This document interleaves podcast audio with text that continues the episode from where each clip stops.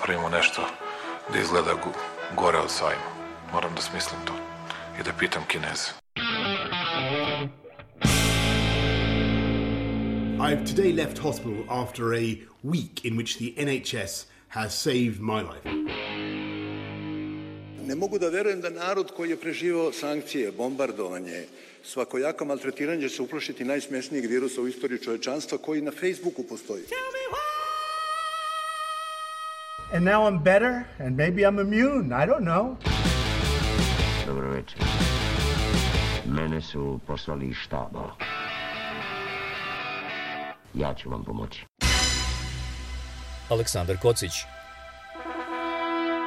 Jelena Viser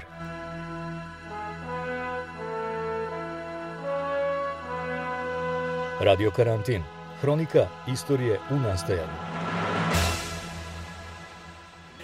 Y'all, what I experienced as a nurse was horrific. I remember calling a doctor one night, and mind you, we as nurses sit in this pit for 12 hours. The only time that we, and we in full gear, the only time we leave that room is if we go to the bathroom or we go on our 30 minute lunch break.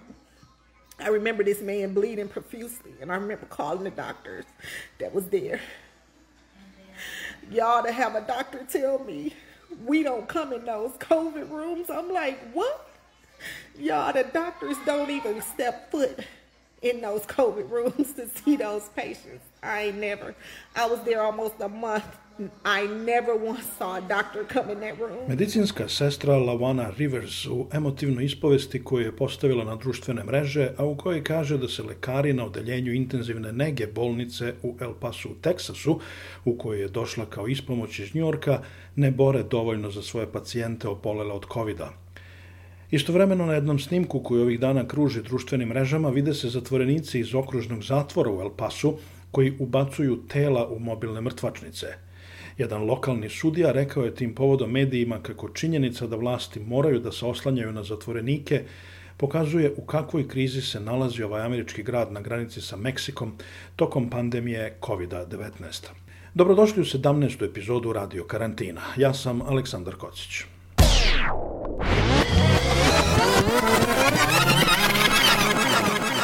Radio Karantin Amerikom hara drugi talas epidemije COVID-19. Svih 50 saveznih država, osim Havaja, beleži drastičan porast broja zaraženih. Nekih 12 miliona Amerikanaca je zaraženo, njih skoro 80.000 je u bolnicama, a smrtnost je na skoro 2000 dnevno, kao na vrhuncu epidemije u aprilu. Koronavirus je do sada odneo oko 250.000 života u SAD. Michael Osterholm iz savjetodavnog tima novoizabranog predsjednika Joe Bidena rekao je da je ovo najopasniji period po javno zdravlje još od 1918. godine. Epidemija trenutno najteže pogađa savezne države na američkom srednjem zapadu, u uporištima odlazećeg predsjednika Donalda Trumpa, gde su republikanski guverneri, kao i on sam, mesecima ni podaštavali opasnost od virusa i slali kontradiktorne poruke o neophodnosti nošenja maski. Zahvaljujući političkoj i organizacionoj nespremnosti na vrhu, savezne države su u priličnoj meri prepuštene samim sebi, pa tako imamo ogromne razlike u načinu i efikasnosti kojom se vlasti bore protiv zaraze, dok najmoćnija zemlja na svetu u celini obara sve crne rekorde kada je pandemija u pitanju. A sada je na samom vrhu piramide još nastao i vakum. Odlazeći predsjednik ne želi da prizna poraz i novom predsjedniku olakša preuzimanje vlasti – Naučnici kao da govore u prazno, zdravstveni radnici se snalaze kako znaju i umeju, a ljudi umiru. Radio Karantin Pre nekih šest meseci naš gost bio je Mladen Sokolović, lekar na odelenju intenzivne nege koji radi u tri bolnice u Ostinu u Teksasu. Ovih dana ponovo sam razgovarao sa Mladenom. E, mi smo se čuli pre jedno šest meseci u vreme prvog talasa pandemije u Americi i tad ste mi rekli da je situacija bila ozbiljna, da su uh, kreveti bili popunjeni, vi radite na odelenju intenzivne nege. Kakva je sada situacija? U zadnjih nekoliko nedelja uh, uglavnom pacijenti sa COVID-om koje dobijamo, dobijamo u stvari iz zapadnog Teksasa, zato što je El Paso sada jedno od, od većih žarišta, ne samo u celoj zemlji, ta situacija tamo je blagorečeno katastrofalna. Uh, pošto su kapaciteti popunjeni, znači ti pacijenti sada bivaju transportovani čak do Ostina, što je nekih hiljadu i po kilometara, znači ako izmete u, u obzir da je Teksas ogromna država i da je El Paso bliži Kaliforniji nego, nego Ostinu, to je onda, ovaj, go, govori vam u kakvoj su situaciji. Pa kako ih, preno, kako ih prevoze? Avionom? Um, avionom ili helikopterom. Tako da, da, da smo mi u ovom trenutku što se tiče lokalne populacije dobri, znači nemamo toliko pacijenata odavde iz, iz uh, Ostina i okoline, mada uh, zadnji uh, brojevi koje sam video uh, pre neki dan pokazuju da, da broj slučajeva počinje polako da raste. O kakvim pacijentima je reč? Koje starosne dobi imali nekog, nekog trenda, nekog pravila? Tre, jedini trend koji, koji je apsolutno nepobitan jeste da su svi hispanoamerikanci. Znači, 95% pacijenata koje ja viđam, a to su pacijenti koji su najteži, znači oni koji zahtevaju lečenje na, na intenzivnoj nezi, su svi hispanoamerikanci. I određeni e, faktori rizika su ovaj, takođe prepoznatljivi. Znači, diabetes koji je pod neadekvatnom kontrolom, gojaznost i naravno starija životna dob, ma, mada smo mi u najvećoj meri znači, bili zatrpani pacijentima koji su generalno bili u 40. 50. i 60. Znači nisu bili ekstremno stari, znači vrlo malo pacijenata koji su bili u toj nekoj ekstremnoj starosnoj do, dobi su ovaj, završili intenzivnu neziju. Uglavnom zato što ti pacijenti ovaj, porodice nisu ni, ni htele da ih podvrgavaju tim nekim agresivnim intervencijama, jer jednostavno ne bi bilo, ovaj, ne, ne bi bilo svrhe. A čime objašnjavate to da najveći broj pacijenata čine hispanoamerikanci? To je sad dilema s kojom se svi bave zašto je toliko, pogotovo u Sjedinjenim američkim državama, zašto je ta pandemija toliko disproporcionalno ovaj, uticala na, na uh, hispanoamerikance, na afroamerikance. Jer ovde u Britaniji imamo uglavnom ovaj, može da se izdvoji crna populacija kao više ugrožena, delimično zbog uslova života, uglavnom ljudi žive u siromašnim naseljima, u soliterima gde je teže izbeći susretanje sa drugim ljudima i tako dalje i tako dalje. Da, mislim da je, da je to slučaj i ovde. Ovaj, recimo, ako se pogleda hispanoamerička populacija, oni uh, uglavnom žive u multigeneracijskim uh, kućama gde nekoliko generacija živi pod istim uh, krovom, tako da je u tim, u tim uslovima uh, širenje virusa kudikamo olakšano. Tu je i taj socijalni moment da uh, generalno se radi o siromašnoj populaciji koje koji zbog toga i, i imaju veći, uh, veću prevalenciju svih tih rizik, uh, faktora rizika koje smo govorili, diabetes, gojaznost. Da, da verovatno nije u pitanju taj neki genetski faktor, nego činjenica da, da gde god siromašnija populacija postoji ti faktori koji olakšavaju širenje virusa će uvijek biti prevalentni u toj populaciji nego, nego uh, među dobrostojećima. Jel možete da mi kažete nešto o tome koji procenat uh, obolelih stiže do vas na intenzivnu negu?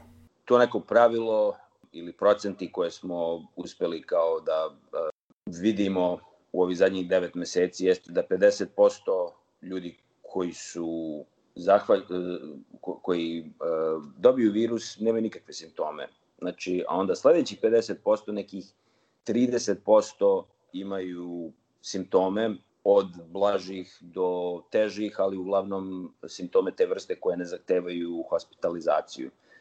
E onda zadnjih 20% zahteva hospitalizaciju i od tih 20% nekih 15 će da provede dane u, u bolnici, ali neće da, da zahteva lečenje na intenzivnoj nezi, a 5% završi na intenzivnoj nezi.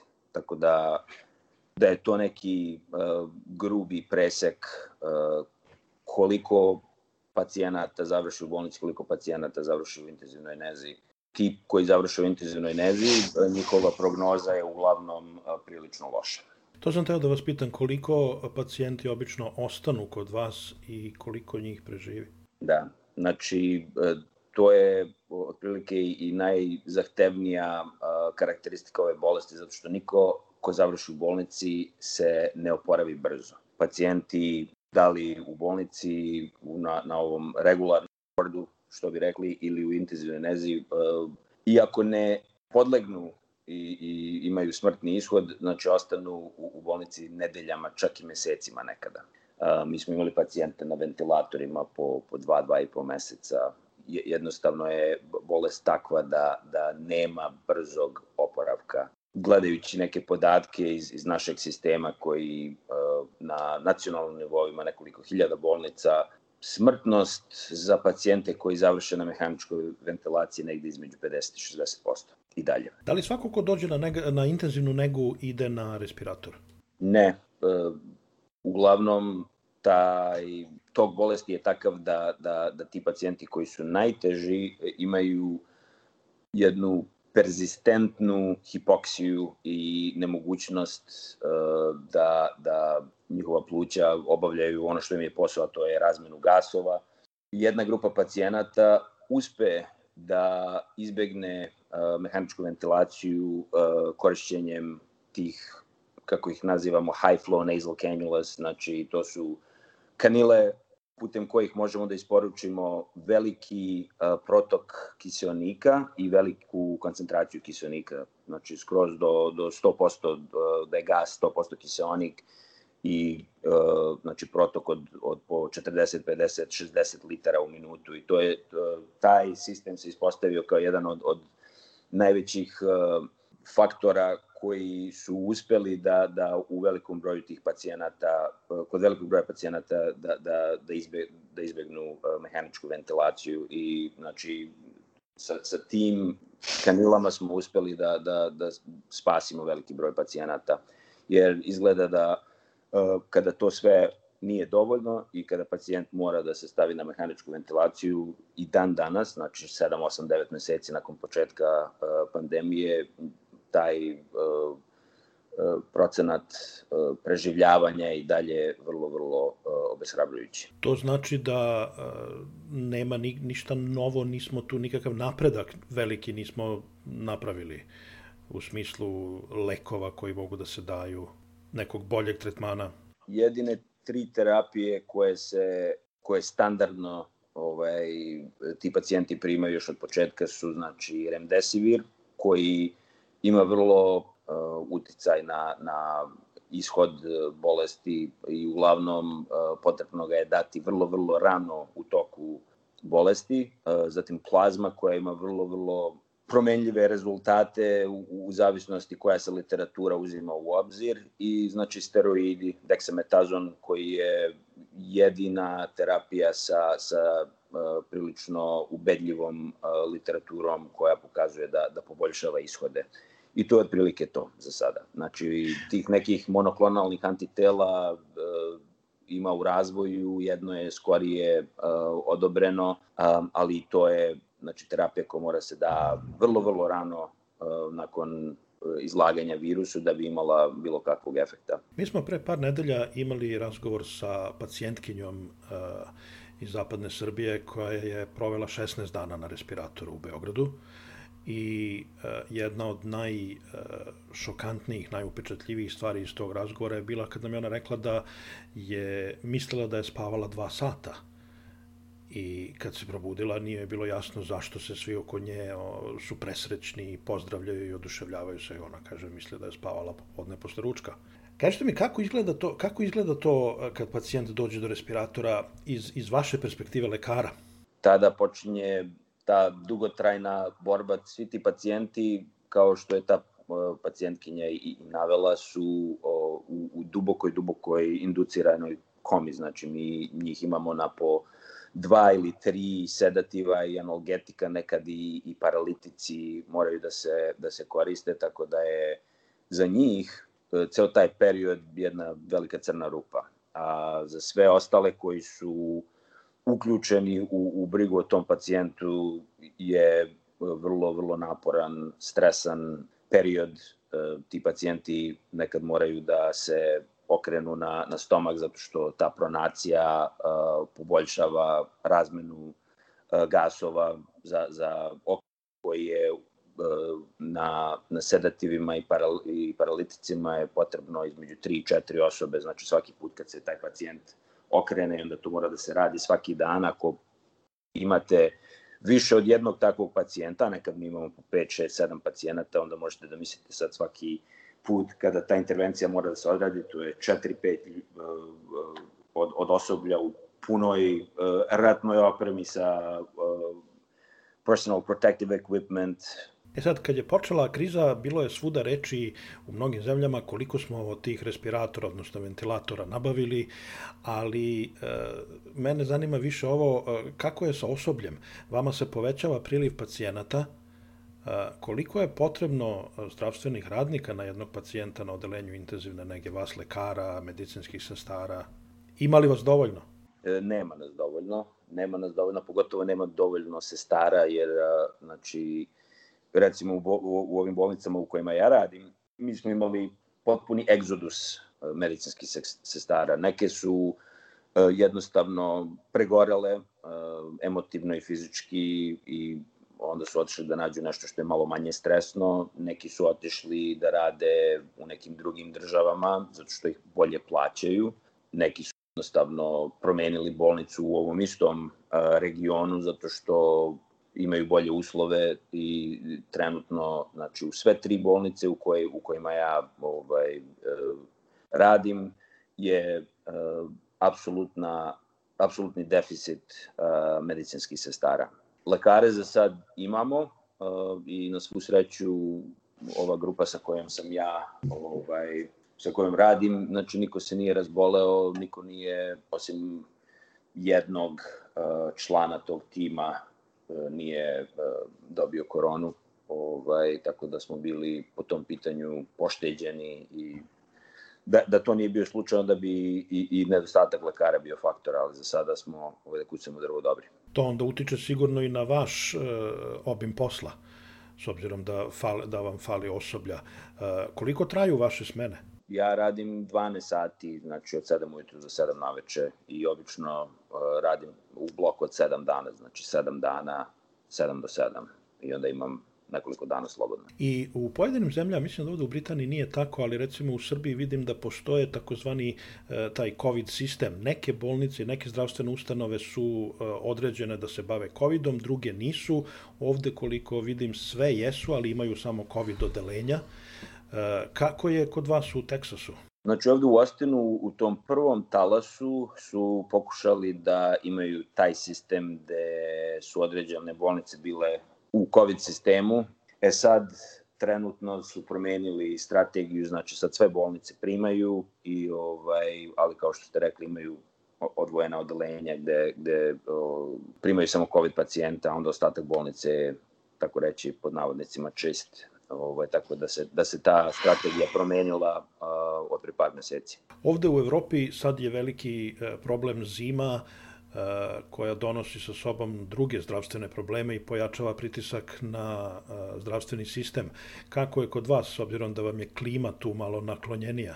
E pa tu, tu je glavna razlika i prednost, recimo trenutno ovde gde sam ja, zato što je vreme i dalje vrlo, vrlo prijatno, preko dana bude po 20-25 stepeni, što je uh, idealno, uh, što su idealni uslovi da, da ljudi ne moraju da, da sede po zatvorenim prostorima, tako da i dalje ovaj, vrlo, vrlo mali broj uh, pacijenata u odnosu, ako se uporedi recimo sa uh, srednjim zapadom, Minnesotom i, i tim delovima Amerike gde je već praktično zima počela, znači oni prolaze kroz ubedljivo najgori period, dok smo mi sada još uvek vrlo, vrlo pod kontrolom.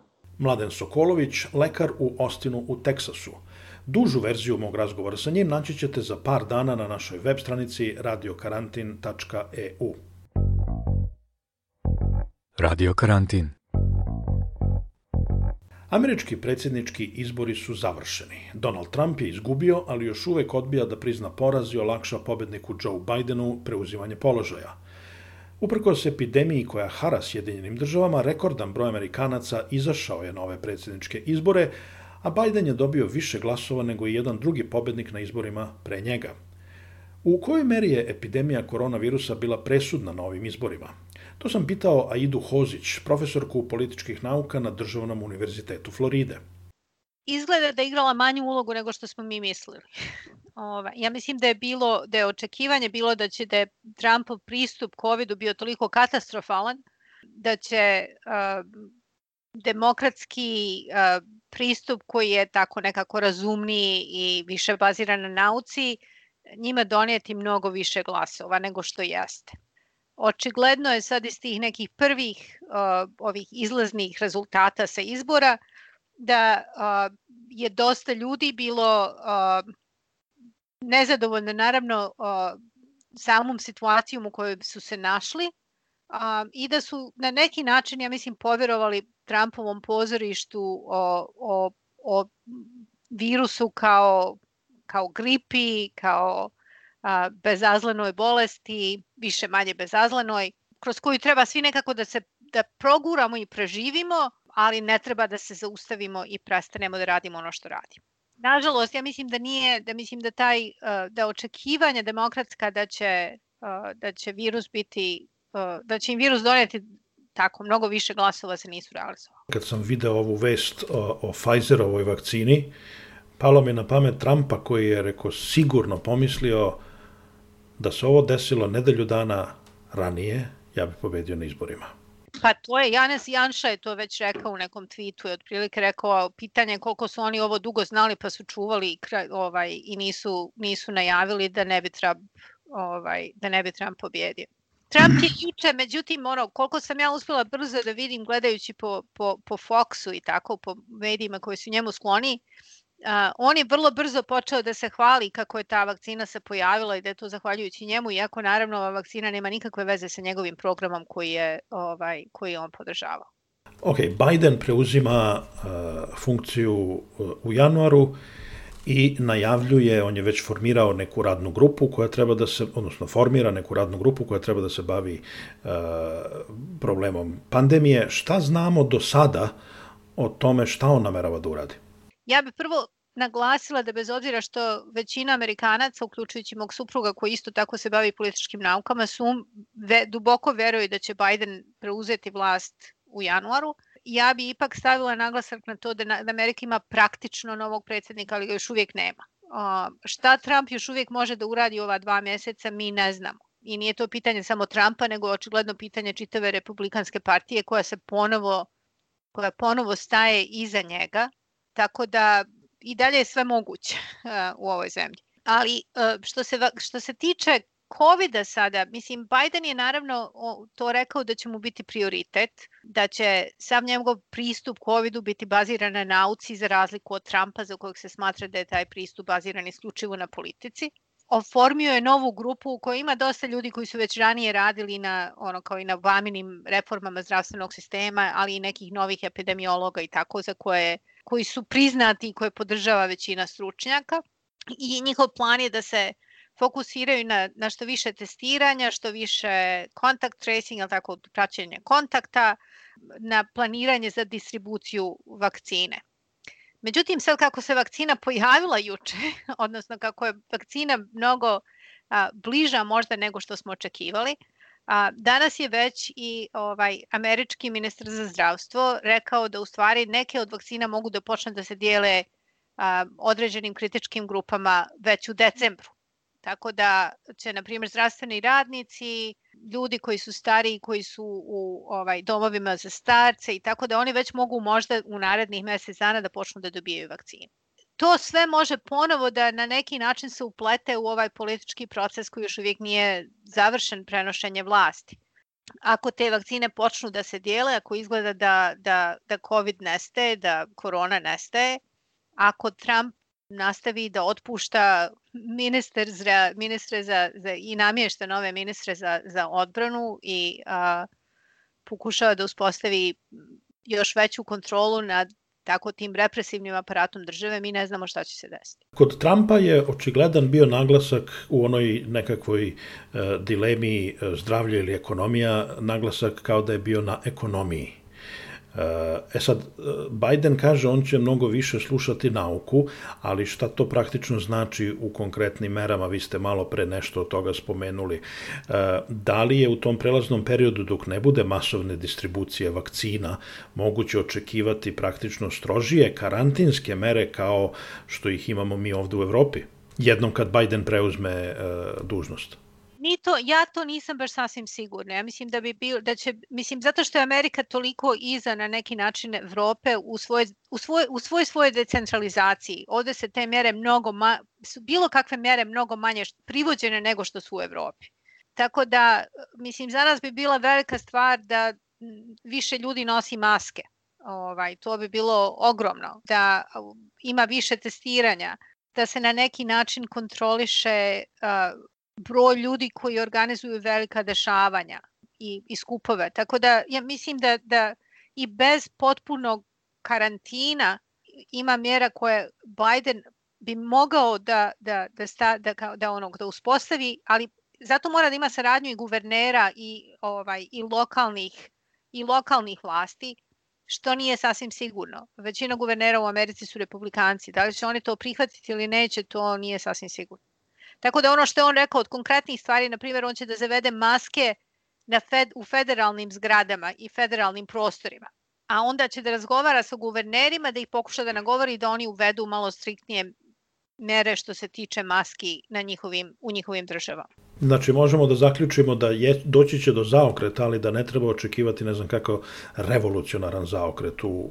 Ja mislim da ono što će Biden, prvo što on će doći, u najboljoj varijanti, ali tako on preuzima vlast za dva mjeseca. Sa dva mjeseca sve i svašta još može da se desi i, i u samoj epidemiji. Ono što on možda može da uradi to je da uh, na neki način prvo da vrati tu, uh, da, da pripremi Ameriku za neku novu pandemiju mnogo bolje nego što ona bila spremna sada. A, tako da jedna od stvari za koje on, koje on obećao isto tako je to je da će da ponovo vrati proizvodnju maski i zaštitne opreme u Ameriku, tako da se maske proizvode ovde tako da se ne zavisi od uvoza, tako da postoje zalihe, da, se, da postoji neki centralni način distribucije tih zaliha po državama.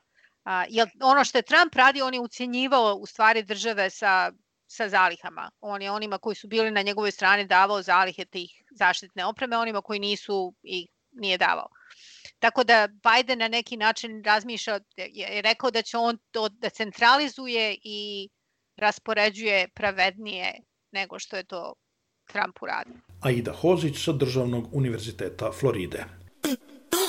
Radio karantin. I kad ste već ovde, mi bi da vas zamolimo za pomoć. Sa nama novinarima vam je kao sa lekarima. Nekada mislite da smo uobraženi i arogantni, puni sebe, a onda se setite da vam ipak trebamo, da smo korisni. E, ali za razliku od lekara, mi koji pravimo ovaj podcast i sajt, Nismo na plati, ne radimo ni za državu, ni za privatnika. Nama treba vaša novčana pomoć da bi mogli dalje. Mi smo mala, neprofitna organizacija i verujemo u značaj objektivnog informisanja zasnovanog na činjenicama. Živemo u vremenu lažnih vesti i uvijene ili otvorene propagande i želimo da se tome suprotstavimo. Smatramo da je u ovom vremenu i tokom ove pandemije od presudnog značaja da se čuje glas stručnih i kompetentnih, onih koji znaju svoj posao i nemaju prikrivene motive. Mi nismo podložni političkim i komercijalnim uticajima i pritiscima. Nama niko ne govori o čemu i kako da govorimo. Zato nam je potrebna vaša pomoć. Svaka vaša donacija puno nam znači da pokrijemo troškove nabavke neophodne opreme, postavljanja podcasta, održavanja sajta i promocije. I najmanja vaša pomoć znači nam mnogo. Možete da nam pomognete jednom ili na redovnoj, nedeljnoj ili mesečnoj osnovi. Možete da nam date 1 evro, dolar, funtu ili šta vam zgodno, a može i 100. Jednostavno je i ne oduzima puno vremena. To možete da uradite preko naše stranice radiokarantin.eu. Hvala. Bio je ovo još jedan Radio Karantin, hronika istorije u nastajanju.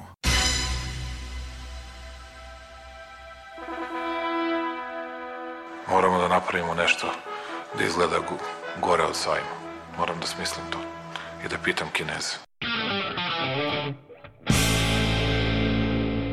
I've today left hospital after a week in which the NHS has saved my life. Ne mogu da verujem da narod koji je preživao sankcije, bombardovanje, svakojako maltretiranje će se uplašiti najsmešnijeg virusa u istoriji čovečanstva koji na Facebooku postoji. And now I'm better, and maybe I'm immune. I don't know. Dobro večer. Mene su poslali iz štaba. Ja ću vam pomoći. Aleksandar Kocić. Jelena Viser.